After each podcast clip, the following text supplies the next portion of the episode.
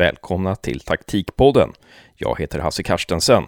Nu är vi framme vid nummer 58 och den här gången pratar vi med Eja Fedorov och Fredrik Johansson som driver företaget och sajten Tillslag.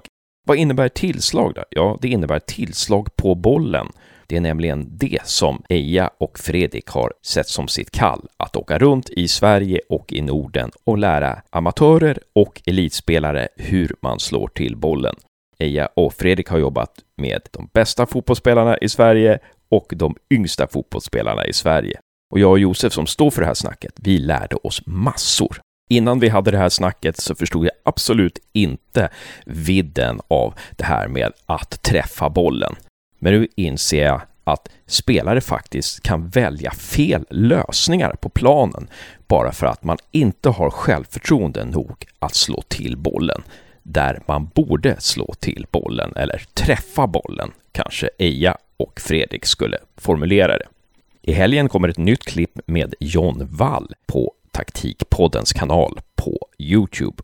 Nästa vecka kommer Taktikpodden nummer 59 med Lotta Schelin där hon berättar att hon i Frankrike blev en killer i boxen. Trevlig lyssning!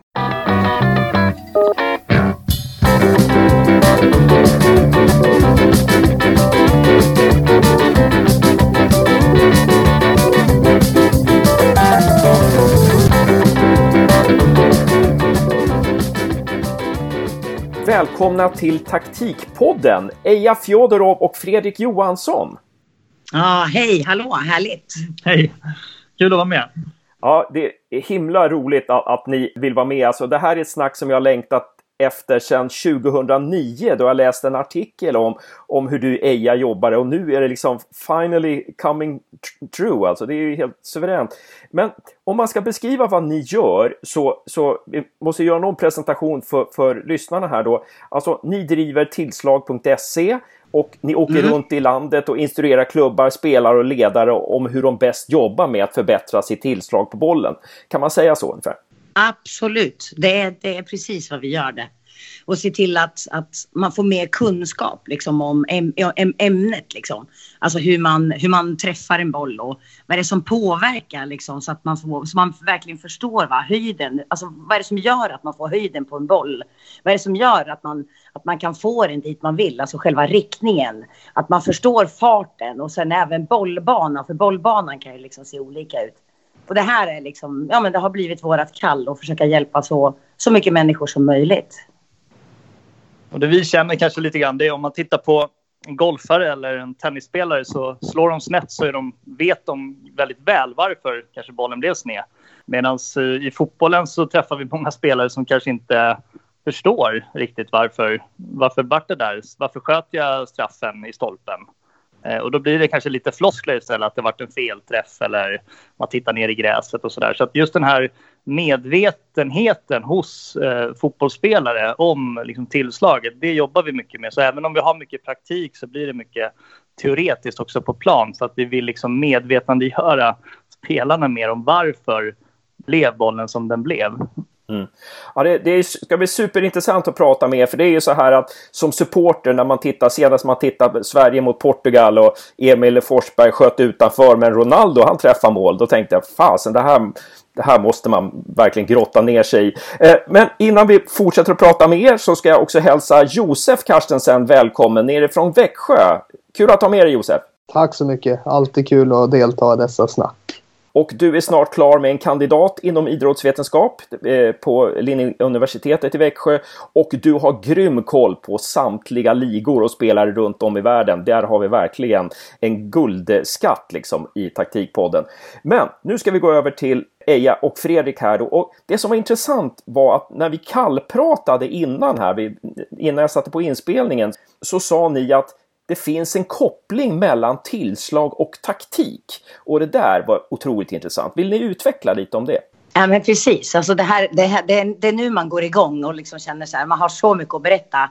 Alltså om, om vi bara tar ett exempel, vi, vi jobbar med att eh, eh, vi säger att vi kan jobba med ett, med ett lag, det spelar ingen roll vilket lag det är. Och så är det ju tränarna sätter ju liksom taktiken för själva för laget. Och vi säger att vi ska möta ett lag Eh, antingen med ett landslag så att det blir långt fram eller så att det är nästa vecka redan.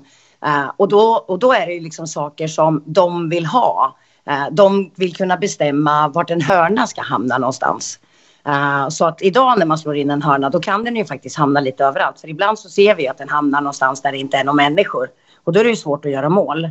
Men om du tänker att du sätter den på, på ett och samma ställe och då är liksom färdvägen dit till det stället är ju, då pratar vi om hastigheten, liksom hur fort kommer den dit? Och sen nästa steg så pratar vi om bollbanan, alltså hur fort kommer den, alltså hur, hur, hur kommer den till den där punkten? Kommer den liksom med en rak boll eller kommer den med liksom en dykboll eller så? Och sen, och det, sen är det så häftigt också för att om du sätter, ju snabbare boll du har, desto mer, mindre kan ju en spelare springa. Uh, så då är det ju viktigt att man verkligen sätter den på den punkten. Och då är det liksom rent taktiskt. Alltså här sätter vi tre spelare i det här området och det är tänkt att den här ska ta den och de här två ska, jag inte kalla det för screena, men ändå liksom hamna i vägen för den som ska ta bollen.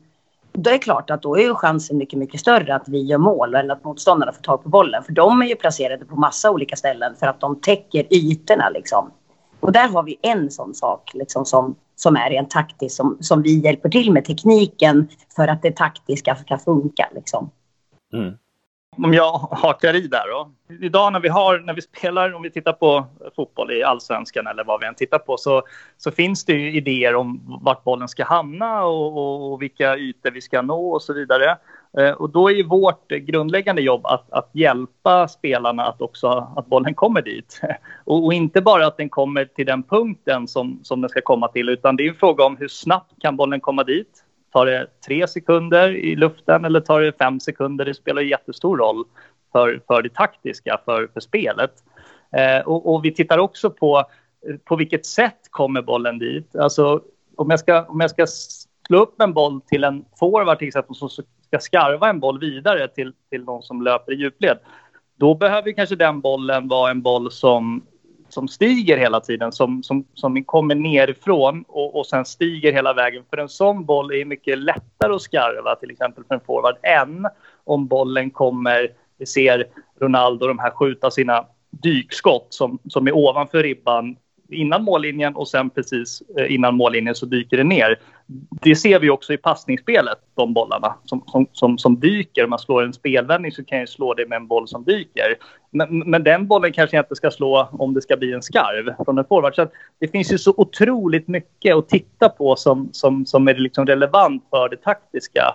Eh, och sen kan vi också träffa många spelare som kanske känner att de ser vissa spelvägar men är lite, lite osäker på att slå en viss boll. Jag kanske kommer i ganska hög hastighet på min kant och så ska jag slå en crossboll för att jag ser att den här ytan finns där.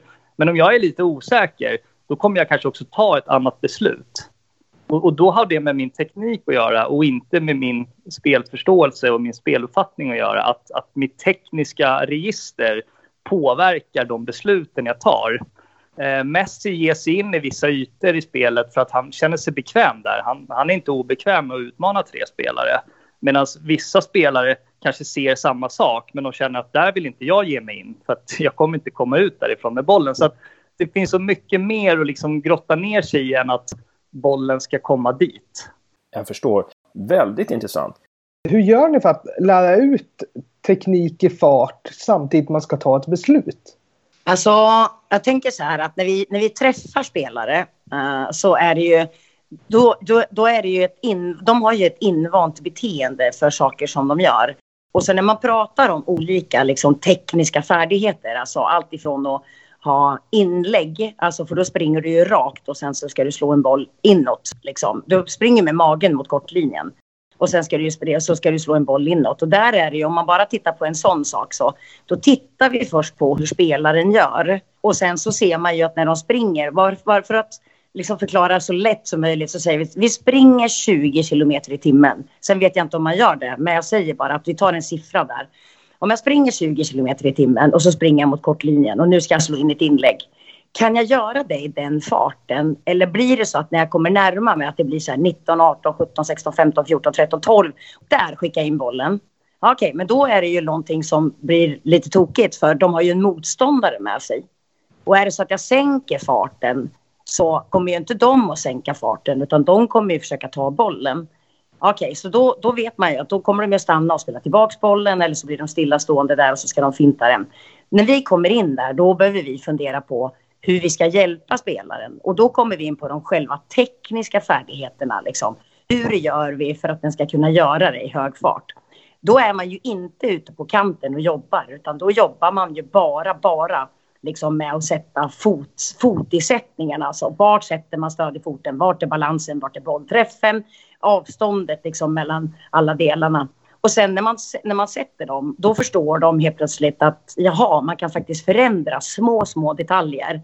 Eh, och sen därifrån så blir det liksom från att det är helt isolerat till att det är, om man ska sätta isolering i olika grader, så från att göra det i stillastående, gå, jogga, högre fart och sen så därifrån så kan man flytta ut igen och sen kan man börja testa. Det är så man som vi bygger förändring liksom. Och när ni instruerar då, behöver ni, är det viktigt att ni är på planen då eller kan, man, kan ni lika gärna instruera det här med fotisättning och sådär i ett rum där ni visar på, eh, visar på en video eller, eller visar på skisser eller? Alltså det lättaste är ju alltid om vi har träffat spelarna för, för, alltså först och att man har jobbat med dem. När vi väl har jobbat med dem, nu, sen kan de ju vara i vilket land de vill för då gör vi precis som nu, vi skypar. Uh, och så kan vi titta på deras klipp och så kan man beskriva för då använder vi samma språk. För språket är ju lite annorlunda liksom med hur man, alltså när vi pratar och de förstår exakt vad vi menar. Men om det är spelare som vi aldrig har träffat förut så visst kan vi beskriva det men jag tror att det är svårare för oss att få ett bättre resultat. Exakt. Eh, om vi träffar spelare för första gången så vill vi alltid vara på fotbollsplanen. Eh, har vi jobbat med spelare under en längre tid så, så kan man ju även träffas liksom digitalt och på webben och sådär. Då, då, då, då, förstår man. Men just i början så känns det extra viktigt att kunna visa på, på fotbollsplanen. Där. Det finns ju hur många ingångar om det här som helst. Men jag tänker på så här, när ni kommer till lag brukar lag i regel förstå alla de här valmöjligheterna som ni presenterar? Alltså, ska det vara en stigande boll? Ska det vara en, eh, eh, ska det vara en skruvad boll? E, eller är, är det bara så att en hörna ska slås och det spelar inte så stor roll vilken boll det är, som, hur, hur den kommer och hur den ser ut och hur, om den stiger eller sjunker eller ja. Det är så olika på, beroende på eh, åldrar och så. Då. Tar vi eh, äldre spelare så, så, så, känner vi att man kanske inte förstår hur mycket man faktiskt kan påverka sitt tillslag även när man är, liksom, har fyllt 25. Det, det är liksom lite grann det här, de här gyllene åren med teknikträning när man är 11, 12, 13 år, 10 år. Och, och då, där känner vi mycket att det finns en bild hos seniorspelare att det liksom är för sent. Men, men det är verkligen inte så. Sen tror jag man pratar mycket om kraften. Eh, när de är yngre så träffar vi lag som säger att de här tre skjuter bäst. Och då tänker vi alltid så här, ja, de skjuter säkert hårdast. Det är det du menar, tror jag. Eh, men, men de översätter liksom hårdhet till liksom att det, då är, skjuter man hårt så skjuter man bra. Eh, sen när man blir 19 och, eller tittar på tv, då är det ju sällan man säger på tv att eh, alltså man, man skäller på någon forward eller min farsa som är förbundskapten på varenda match där hemma i tv-soffan, han, han skäller ju aldrig på att, att de skjuter löst. Utan han skäller ju på att de skjuter högt och snett och det tar för lång tid och sådär. Ändå är det så viktigt när, vi, när de är yngre att man ska skjuta hårt. Medan vi alltid tar det som den sista faktorn. Precis som jag ska lära köra med bil så, så liksom jag, jag går inte upp i någon högre hastighet i början. Det gör jag ju nästan på slutet först måste jag lära mig att få kontroll och precision och kunna upprepa saker. Och skjuter jag tio bollar mot en viss punkt så är jag där och nosar 8-9 av 10. Eh, då kan vi lägga in hastigheten och farten. Men, men vi känner med unga spelare att det ska, det ska dammas på när man är 10-11 och så är man jättenöjd. Men sen när man blir äldre så så, så, så, får vi andra bekymmer. Då, då skjuter man väldigt hårt men, men man har ingen kontroll och, och, då kanske det är svårare för vissa därifrån sen att jag tänker också när, jag, när vi träffar lag, alltså när man, när man startar med ett yngre lag eh, så handlar det så mycket om att liksom för, försöka få dem att förstå att de kan påverka. Liksom. För många kommer ju och säger så här, men jag kan inte skjuta. Ja, fast de kan ju ändå rulla iväg en boll. Alltså den rullar ju. Och så finns det de som säger att men jag kan skjuta. Liksom. Men vad betyder det egentligen? Uh, så vi försöker att lära dem, det är lite som att gå i skolan när de träffar oss. Att, vad gör man? Liksom? Hur sätter man foten? Vart är bollträffen? Alltså, för vi tycker att varenda boll de skjuter ska skjuta eller passa, att den egentligen inte ska väga någonting. För att det ser ju så viktlöst ut liksom, när, när allt det tekniska sitter. Och, och, när vi jobbar också så jobbar vi mot målet. Eh, så alla spelarna är vända mot målet oavsett om man är målvakt, mittback, ytterback. Och sen är vi ganska nära mål när vi jobbar för då ska de bara träffa, liksom träna på att träffa boll, bollen liksom. Och sen kunna få en höjd så de kan få en typ i midjehöjd. Så målet är ett mätinstrument. Alltså man mäter hur högt i bollen, hur högt i nätet liksom bollen kommer och så bestämmer jag en punkt där, de, där man vill att de ska träffa. Uh, och en, alltså en höjd.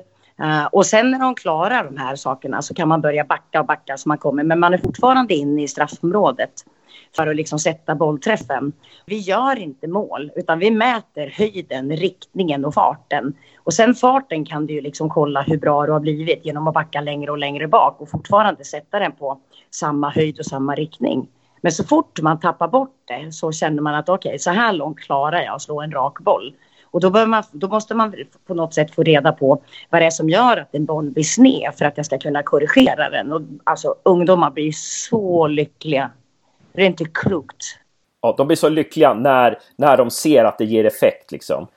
Det är, helt, det är helt magiskt och det är inte bara ungdomar utan det är ju alla som förstår att de faktiskt kan påverka det. När man, när man inte tror att man kan göra det. Det är lite som Fredrik sa nyss att när man växer upp så tänker man, eller många som säger att han har ett sånt tillslag. Det är precis som att ja, okej, han, har. han kan aldrig förändras utan han har det. Så att när vi, när vi, man kan inte hårdra det och säga att när vi kommer till den professionella världen då kan vi köpa en spelare som slår bollar längre istället för att egentligen träna den spelaren som vi har och slå bollar längre. Mm. Är det någon faktor, alltså någon specifik faktor eller som både professionella och barn ofta gör fel? Den gemensamma faktoren för nästan alla, liksom, det är att de vet egentligen inte bara en sån sak som vad är det som gör att en boll går upp. Mm. Så, så om man bara ställer den, den frågan till hela världen och säger så vad är det som gör att en boll går upp? När det finns så mycket saker som vi pratar om, som, som ett exempel så säger man så här att om du lutar kroppen bakåt så går bollen upp. Ja, är du säker på det? Nej, det är man inte. För då skulle ju tränarna stå på kanten och skrika så här. Kalle, Kalle, böj kroppen 20 procent bakåt, då får vi den där höjden som vi önskar. Men det gör de ju inte. Och nästa sak som vi pratar om är ju liksom Eh, att man får för mycket fot under bollen. Och det är bara när vi tittar på tv. Så, så vi säger att vi har en spelare som skjuter över och vi säger att den skjuter 30 centimeter över ribban. Och sen så säger man så här, ja men det varit för mycket fot under bollen. Och om jag sitter i tv-soffan så, så kan jag logiskt tänka så här, okej okay, hur mycket fot ska jag ta bort under bollen då? Så att jag får en boll som går i mål. Men vi ställer ju inte den frågan utan vi bara, aha det varit för mycket fot under bollen. Alltså, är ni med? Så det här är ju bara, bara en, det är en enkel sak som är liksom gemensam för, för alla. Bara kompetensen om att inte veta vad är det som gör att en boll går upp. Vad är det som påverkar som gör att den verkligen går upp? Och jag lämnar till Fredrik, för har, här, här skulle vi kunna prata en timme nu. Ja, men det är svårt att säga en sak, men om vi tittar på professionella spelare och allsvenskan och, och ja, högre upp så eh, det, det, man ser, en, en stor skillnad kanske på internationell toppnivå och om vi jämför med allsvenskan. Så en, en, stor, stor skillnad som man sällan pratar om det är ju eh, bollens bana i luften. Eh, om man tittar ut eh, kanske i, i Champions League-matcher och, och, i Premier League och så, så är det betydligt många mer mål som görs där bollen är ovanför ribban innan den går in i mål. Ett, ett skott då. Så att den är på marken och jag skjuter upp bollen mot mål och innan den går in i mål så är den ovanför ribban. Alltså, men sen dyker den ju ner. Men alltså man kanske tittar i på, på lägre nivåer så, så är ofta bollen att den, den högsta punkten är när den når, når målet. Alltså den, den, istället för att den går upp och kommer ner så stiger den hela tiden successivt nerifrån och upp.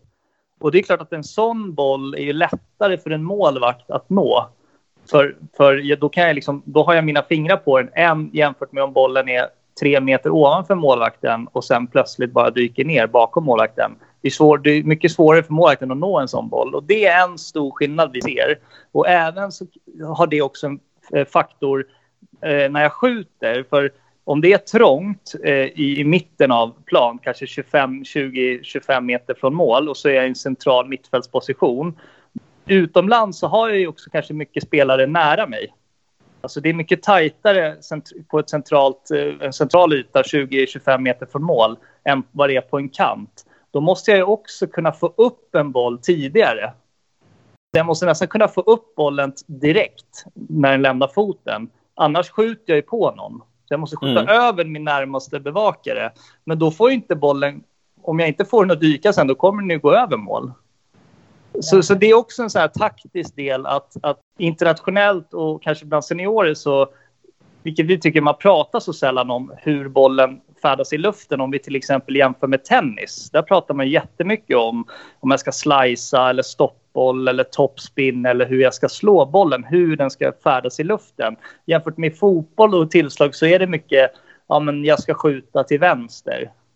Mm. Och jag ska försöka skjuta hårt eller, eller jag ska slå ett inlägg på den punkten. Men alldeles för lite om hur ska bollen komma dit? Hur ska bollen färdas i luften? Eh, vilken bollbana ska vi ha? Och det kan man ju verkligen påverka, precis som man kan jobba med sin, med sin hand eller med sin arm i tennis eller sina armar.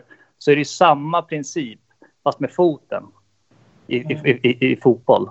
Du kan, du kan påverka, precis som jag kan påverka en pingisboll att få en topspin beroende på hur jag rör min hand och min mm. arm så kan jag påverka en fotboll att färdas på ett visst sätt beroende på hur jag, hur jag, rör, hur jag gör med mitt ben och med min fot. Men vad är det de gör utomlands, som i de största ligorna, i de bästa klubbarna? Vad är det de gör då? Som, som, hur är det, vad är det som skiljer deras tillslag eller deras, eh, deras sätt att se på tillslag som gör att bollen liksom eh, eh, ja, når, sin, når, når, sin högsta punkt innan målet och, och sjunker sen liksom? Men det, det är ungefär som att säga, vad är det som gör att eh Eh, spelare som eh, Ronaldinho och Zidane och de här spelarna gör sina finter som vi inte gör i Sverige. Eh, alltså det är lite samma sak. Spelare som har en, en bättre teknik och en högre skicklighetsgrad jobbar också mycket med sin egen kreativitet. Alltså, det var inte en tränare som lärde Ronaldinho att göra den här ormfinten eller vad man ska säga. Eller, utan det är hans egen kreativa ådra. Att han testar och, och liksom inte är rädd. Han, han går gärna utanför liksom det självklara och, och, det som finns inom ett ramverk. Utan han, han experimenterar själv. Tittar vi på David Luiz när han skjuter så är det ju väldigt annorlunda sätt. Eh, framförallt när han, när han slår frisparkar. Dels hur han kommer till bollen och, hur, och var på foten han träffar bollen. Så är det någonting som sticker ut jämfört med många andra. Och, och, det är klart, skulle vi ha en tränare som har lärt David Luiz det här, då skulle vi ha flera, alltså då skulle vi ha många David Luiz. Då skulle vi se det som ett mönster hos den spelaren, för då har den tränaren jobbat med de här spelarna också. Så vi, liksom, den tekniska delen är ju spelarna själva som driver den utvecklingen medan det är klubbar och tränare som driver mer taktisk utveckling och fysisk utveckling. Så, så, så svaret på din fråga är nog mer att ju skickligare spelarna är och ju mer kreativa de är, ju, ju, ju, liksom, ju bättre är de på att själva hitta lösningar även med sitt tillslag. Och kommer man sen till, liksom, till Sverige och vi pratar om våra, de spelare som vi jobbar med, alltså de unga spelarna som vi jobbar med. Det som är häftigt eller roligt och liksom eh, otroligt skoj för våra spelare, det är ju att de, de kan få göra samma sak som Ronaldo och Messi och Payet och De Bruyne och alltså Ramona Bachmann och alltså just det här att kunna få lära, lära sig att göra dykbollar. För det är ju en teknik. Alltså det är ju, det är ju, det är tekniska färdigheter liksom. Så när man förstår det, för det är ju skillnad, varje, varje teknisk sak som du vill göra har, har ju liksom, eller varje skott du vill göra har ju en teknisk bakgrund till att du klarar av att göra det. Eh, och alla de här har ju, det är ju olikheter, precis som Fredrik var inne på. Jag menar, spelar du pingis och du vill göra en toppspin eller du vill smasha eller vad du nu vill göra, liksom, så gör man ju olika saker för att nå resultat. Så därför är det så roligt att spelarna i världen, de bästa, de gör bollarna och sen så kan man faktiskt lära våra, de spelare som kommer till oss, får faktiskt chansen att lära sig hur man gör en, en dykboll. Så jag vet inte om ni har varit på våran Instagram, för där kan ni ju faktiskt se se de unga spelarna när de, när de testar sina gränser liksom, och får göra de här bollarna. Det är, ju, det är helt otroligt häftigt att kunna se en, en liten tjej på 12 år och verkligen skicka iväg en boll med ganska hög fart och den är på vägen mot mål så är den en bra bit över, över mål och sen bara kommer den ner det är klart att det är, liksom, på internationell nivå så är ju allting lite bättre. Alltså precisionen är lite bättre, hastigheten inte minst. Om vi tar en hörna i Champions League och jämför med en hörna i, i lägre serier så är ju sekunderna från att den lämnar foten till att den är framme på, på, på huvudet hos lagkamraten. De sekunderna, den tiden är så mycket, mycket kortare. Eh, så man nästan skjuter in en hörna internationellt. Alltså det är nästan som ett skott. Eh, för det är farligare. Det är svårare att försvara sig mot en sån situation. Om jag prickar en spelare på väldigt kort tid så har jag ju svårare som försvarare att hinna reagera. Då tycker att jag har kontroll på den här spelaren två meter ifrån mig eller en och en halv meter ifrån mig. Men eftersom det går så fort så hinner jag inte ens på den, på den metern eller en och en halv metern. Och det är också lättare att nicka en boll mot, med kraft ju hårdare bollen är. Så det är klart att det är, att det är alla delar. Men, men jag ville bara lyfta upp lite med bollbanor och, och, och lite den delen för att det är så sällan man pratar om. Mm, jag förstår. Jag förstår. Ja, men det, det, det är intressant det här att det, det som ni säger, det, det är en uppmaning till att alla de här stjärnspelarna, eh, det är, många, det är många storspelare som blir tränare och managers och inte lyckas så bra. Egentligen kanske de skulle börja som tekniktränare när deras karriär är slut. Det, det är faktiskt, eh, det låter ju som det är alltså. Men en sak som jag funderar på, eller som vi har funderat på, jag och Josef, det här, alltså det måste ju vara så, och det låter ju som när vi pratar med att det är så många saker som spelar in. Men du sa ju, Eja, innan vi började prata så sa du ganska många gånger att det är viktigt det här med var man placerar stödjefoten. Va? Att många spelare placerar den fel. Vill du utveckla lite där? Ja, alltså det, det, är, det är ganska många saker som man behöver fundera på. Det är så svårt eh, utan att visa liksom, fysiskt. Men man kan säga så här att jag växte upp med att det fanns en relation mellan överkroppen. Alltså du ska luta kroppen framåt eller du ska luta kroppen bakåt och att det fanns en relation till hur bollens höjd då till exempel. Eh, medan vi jobbar inte någonting med överkroppen. Vi tittar bara på stödjefoten. För relationen mellan stödjefoten och pendelbenet, det är den som är intressant. Om du tänker att du st står på en balansbräda på ett ben. Du, st du står på den här balansbrädan på ett ben.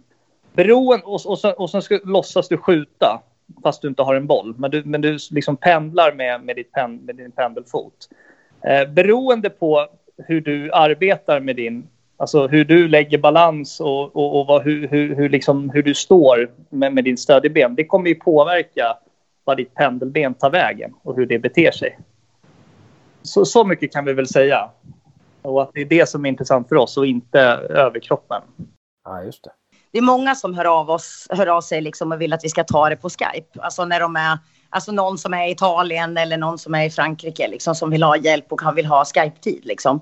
Men du vet, det, det är så svårt att, att se, se dem och sen kunna beskriva liksom, hur man ska göra. För när man, när man jobbar med spelaren så är det ju verkligen så att Alltså att, att då kan man vara med och peta hela tiden och, och, och putta på spelarna och sätta fötterna på olika ställen. För om du tänker dig att du ska sätta ner en, en stödjefot någonstans, då då, då måste vi tänka så här, hur hög är farten när du springer? Och sen måste man tänka så här att när det kommer en spelare i närkamp, eh, kommer de fort och är på väg mot dig och du ska avsluta, vart sätter du foten för att du så snabbast ska kunna avsluta? Eller kan du springa och sätta foten och avsluta? Där sätter du ju faktiskt fötterna på olika ställen beroende på vilken hastighet du har och om du har tänkt att stanna eller om du har tänkt att fortsätta.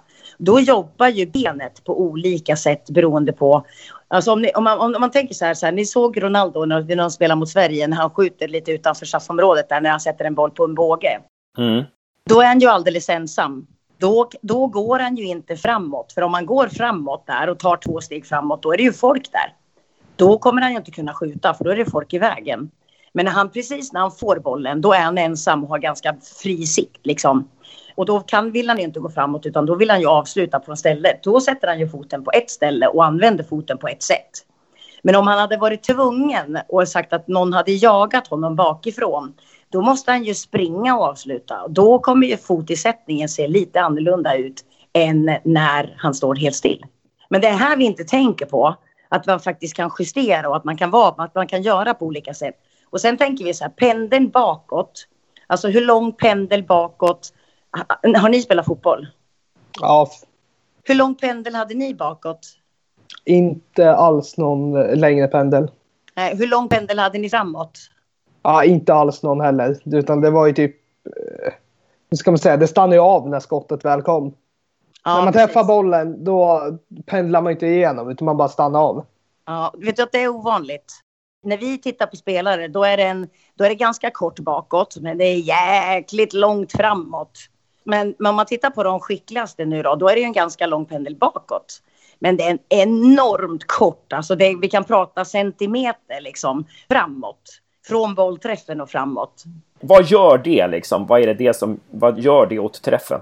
Men okej, då- om, om du tänker då ska, vi, då ska jag beskriva utifrån en annan idrott. Vi säger att du ska spela tennis. Så då slänger du upp bollen och sen har du en pendel bakåt liksom för att komma åt bollen. Och sen när boll och, boll, boll och rack möts, då kör du ju inte racket fram mot nätet. Ja, just det. För sen, kan ju, sen när bollträffen, när den har skett, när tennisracket har slagit till tennisbollen, då följer ju racket med framåt. Men boll och rack har ju skilts åt för länge sedan. Och om du tänker dig pingis då, då, då har vi ju lite samma sak när vi tänker oss att när du kommer in till bollträff, du kör ju inte racket ända fram till nätet. Ja, just det. Nej, just det. Så det är lite såna här, det är lite såna här saker som, som, som vi liksom tänker på. För du får ju upp en enorm hastighet. Men, men om du också tänker att du ska svinga liksom. Eh, alltså om du står med ett pingisrack och sen så bara leker du lite med racket och har det under så pingpongar du liksom upp. Bollen går rakt upp liksom. Då för du ju inte heller racket långt upp för att nej. Så du kommer ju se det på Ja, så många det. olika sätt liksom. Men du vet man, man tänker inte Utan man gör så som man alltid har gjort och man funderar inte ens på hur, alltså vad som är bäst utan man gör det som man alltid har gjort. Man gör det som man har sett någon göra i en serietidning. Ja. Eller liksom, det är li- lite sådär att det, det finns en myt om hur det, hur det perfekta ser ut på något vis och så försöker man efterlikna det istället för att eh, ja, Ja. eh, göra det rätta. nej, det är häftigt. Det, till och med de här som gör de här Fifa-spelen, vet du. Alltså på, ja, Deras, deras spelare, liksom när man tittar på när de skjuter och så här, de gör ju skitbra tekniskt. Det är, ju, det, det Okej. är helt fantastiskt. Alltså där är det ju så som det ser ut liksom. Alltså på de bästa fotbollsspelarna. Men det är ju ingen som tänker på det eftersom alla, alla vi möter, om vi säger att vi möter flera hundra människor här och så frågar vi liksom om, om man släpper fötterna liksom när man slår passningar eller om man släpper fötterna när man skjuter. Det är ingen som vet för att de, eh, de följer bollen. Så tänk er själva när ni tittar på fotboll. Vad, titt, vad tittar ni på? Ni följer bollen. Alla följer bollen. Ja, ni kan titta vart olika spelare står liksom för att ni taktiskt ska liksom tänka så ja, men de spelar med, ja, de, deras ytterbackar följer med upp. Men det är just när de, när de har bollen, när de gör saker, då, det är då man har svårt att liksom inte titta på bollen utan titta på tekniken och det är det vi gör. Helt grymt intressant det här, Eja och eh, Fredrik. Helt otroligt. Vi lärde oss massor och det var ju kul att kunna konstatera att de som gör Fifa-spelen eh, gör rätt. Det är liksom, det är verkligen, så, så, så vill man, har man inte tillgång till någon, till någon så här deep play eller sånt där så kan man ju alltid titta på Fifa då och se hur de gör. Det, det var ju fascinerande alltså. Eh, eh, men, och så ska vi kolla ut på, på ert Instagram eller på Ejas Instagram där också och följa er. Eh, men nu ska vi ta den sista frågan och vi brukar ha si samma sista fråga till alla när vi kommer ihåg det i alla fall. Och vi kanske ska ställa den här dels till Eja och dels till Fredrik. Eh, Josef, ska du? Det är ju logiskt att vi tar en till, att de båda får svara på den. Och det är ju att eh, om det fanns en tidsmaskin och, och ni kunde gå tillbaka tio år i tiden och ta med er en kunskap som ni hade, som ni har nu men inte då. Vad skulle det ha varit? Jaha, jag vet inte om jag har någonting. Det är, man kanske skulle varit, vilja varit liksom mer... Jag vet inte. Det är väl ingen kunskap, men uh, klo, alltså man klokare. Ja. Så om man tänker sig, jag är 50, 54 idag. Eh, och då innebär det att då var jag 44. Så tänk om jag kunde ta med mig all den kompetens och kunskap som jag har idag oavsett ämne. eh, och kunna ha, ha liksom den här, de här delarna när jag var 44. Då har jag liksom vunnit 10 år. För då startar jag ju egentligen eh, när jag är 44 som om jag vore 54 kompetensmässigt. Mm. Hörni, stort tack Eja och Fredrik för att ni tog er tid att vara med i Taktikpodden. Lycka till med allting nu framöver och det ska bli spännande att se nästa gång jag ser Sverige möta Portugal så, så kanske ni har haft ett inflytande där så att Emil Forsberg inte skjuter Nej, över. precis, precis. Nej, superroligt, superroligt att pratas vid, verkligen. Tack själva, kul att vi fick vara med. Och lycka till med er superbra podd. Ja, verkligen. Jättebra. Tack så mycket. Och bra jobbat Josef. Tack så mycket Hasse. Och bra jobbat Eja och Fredrik. Ja, tack snälla.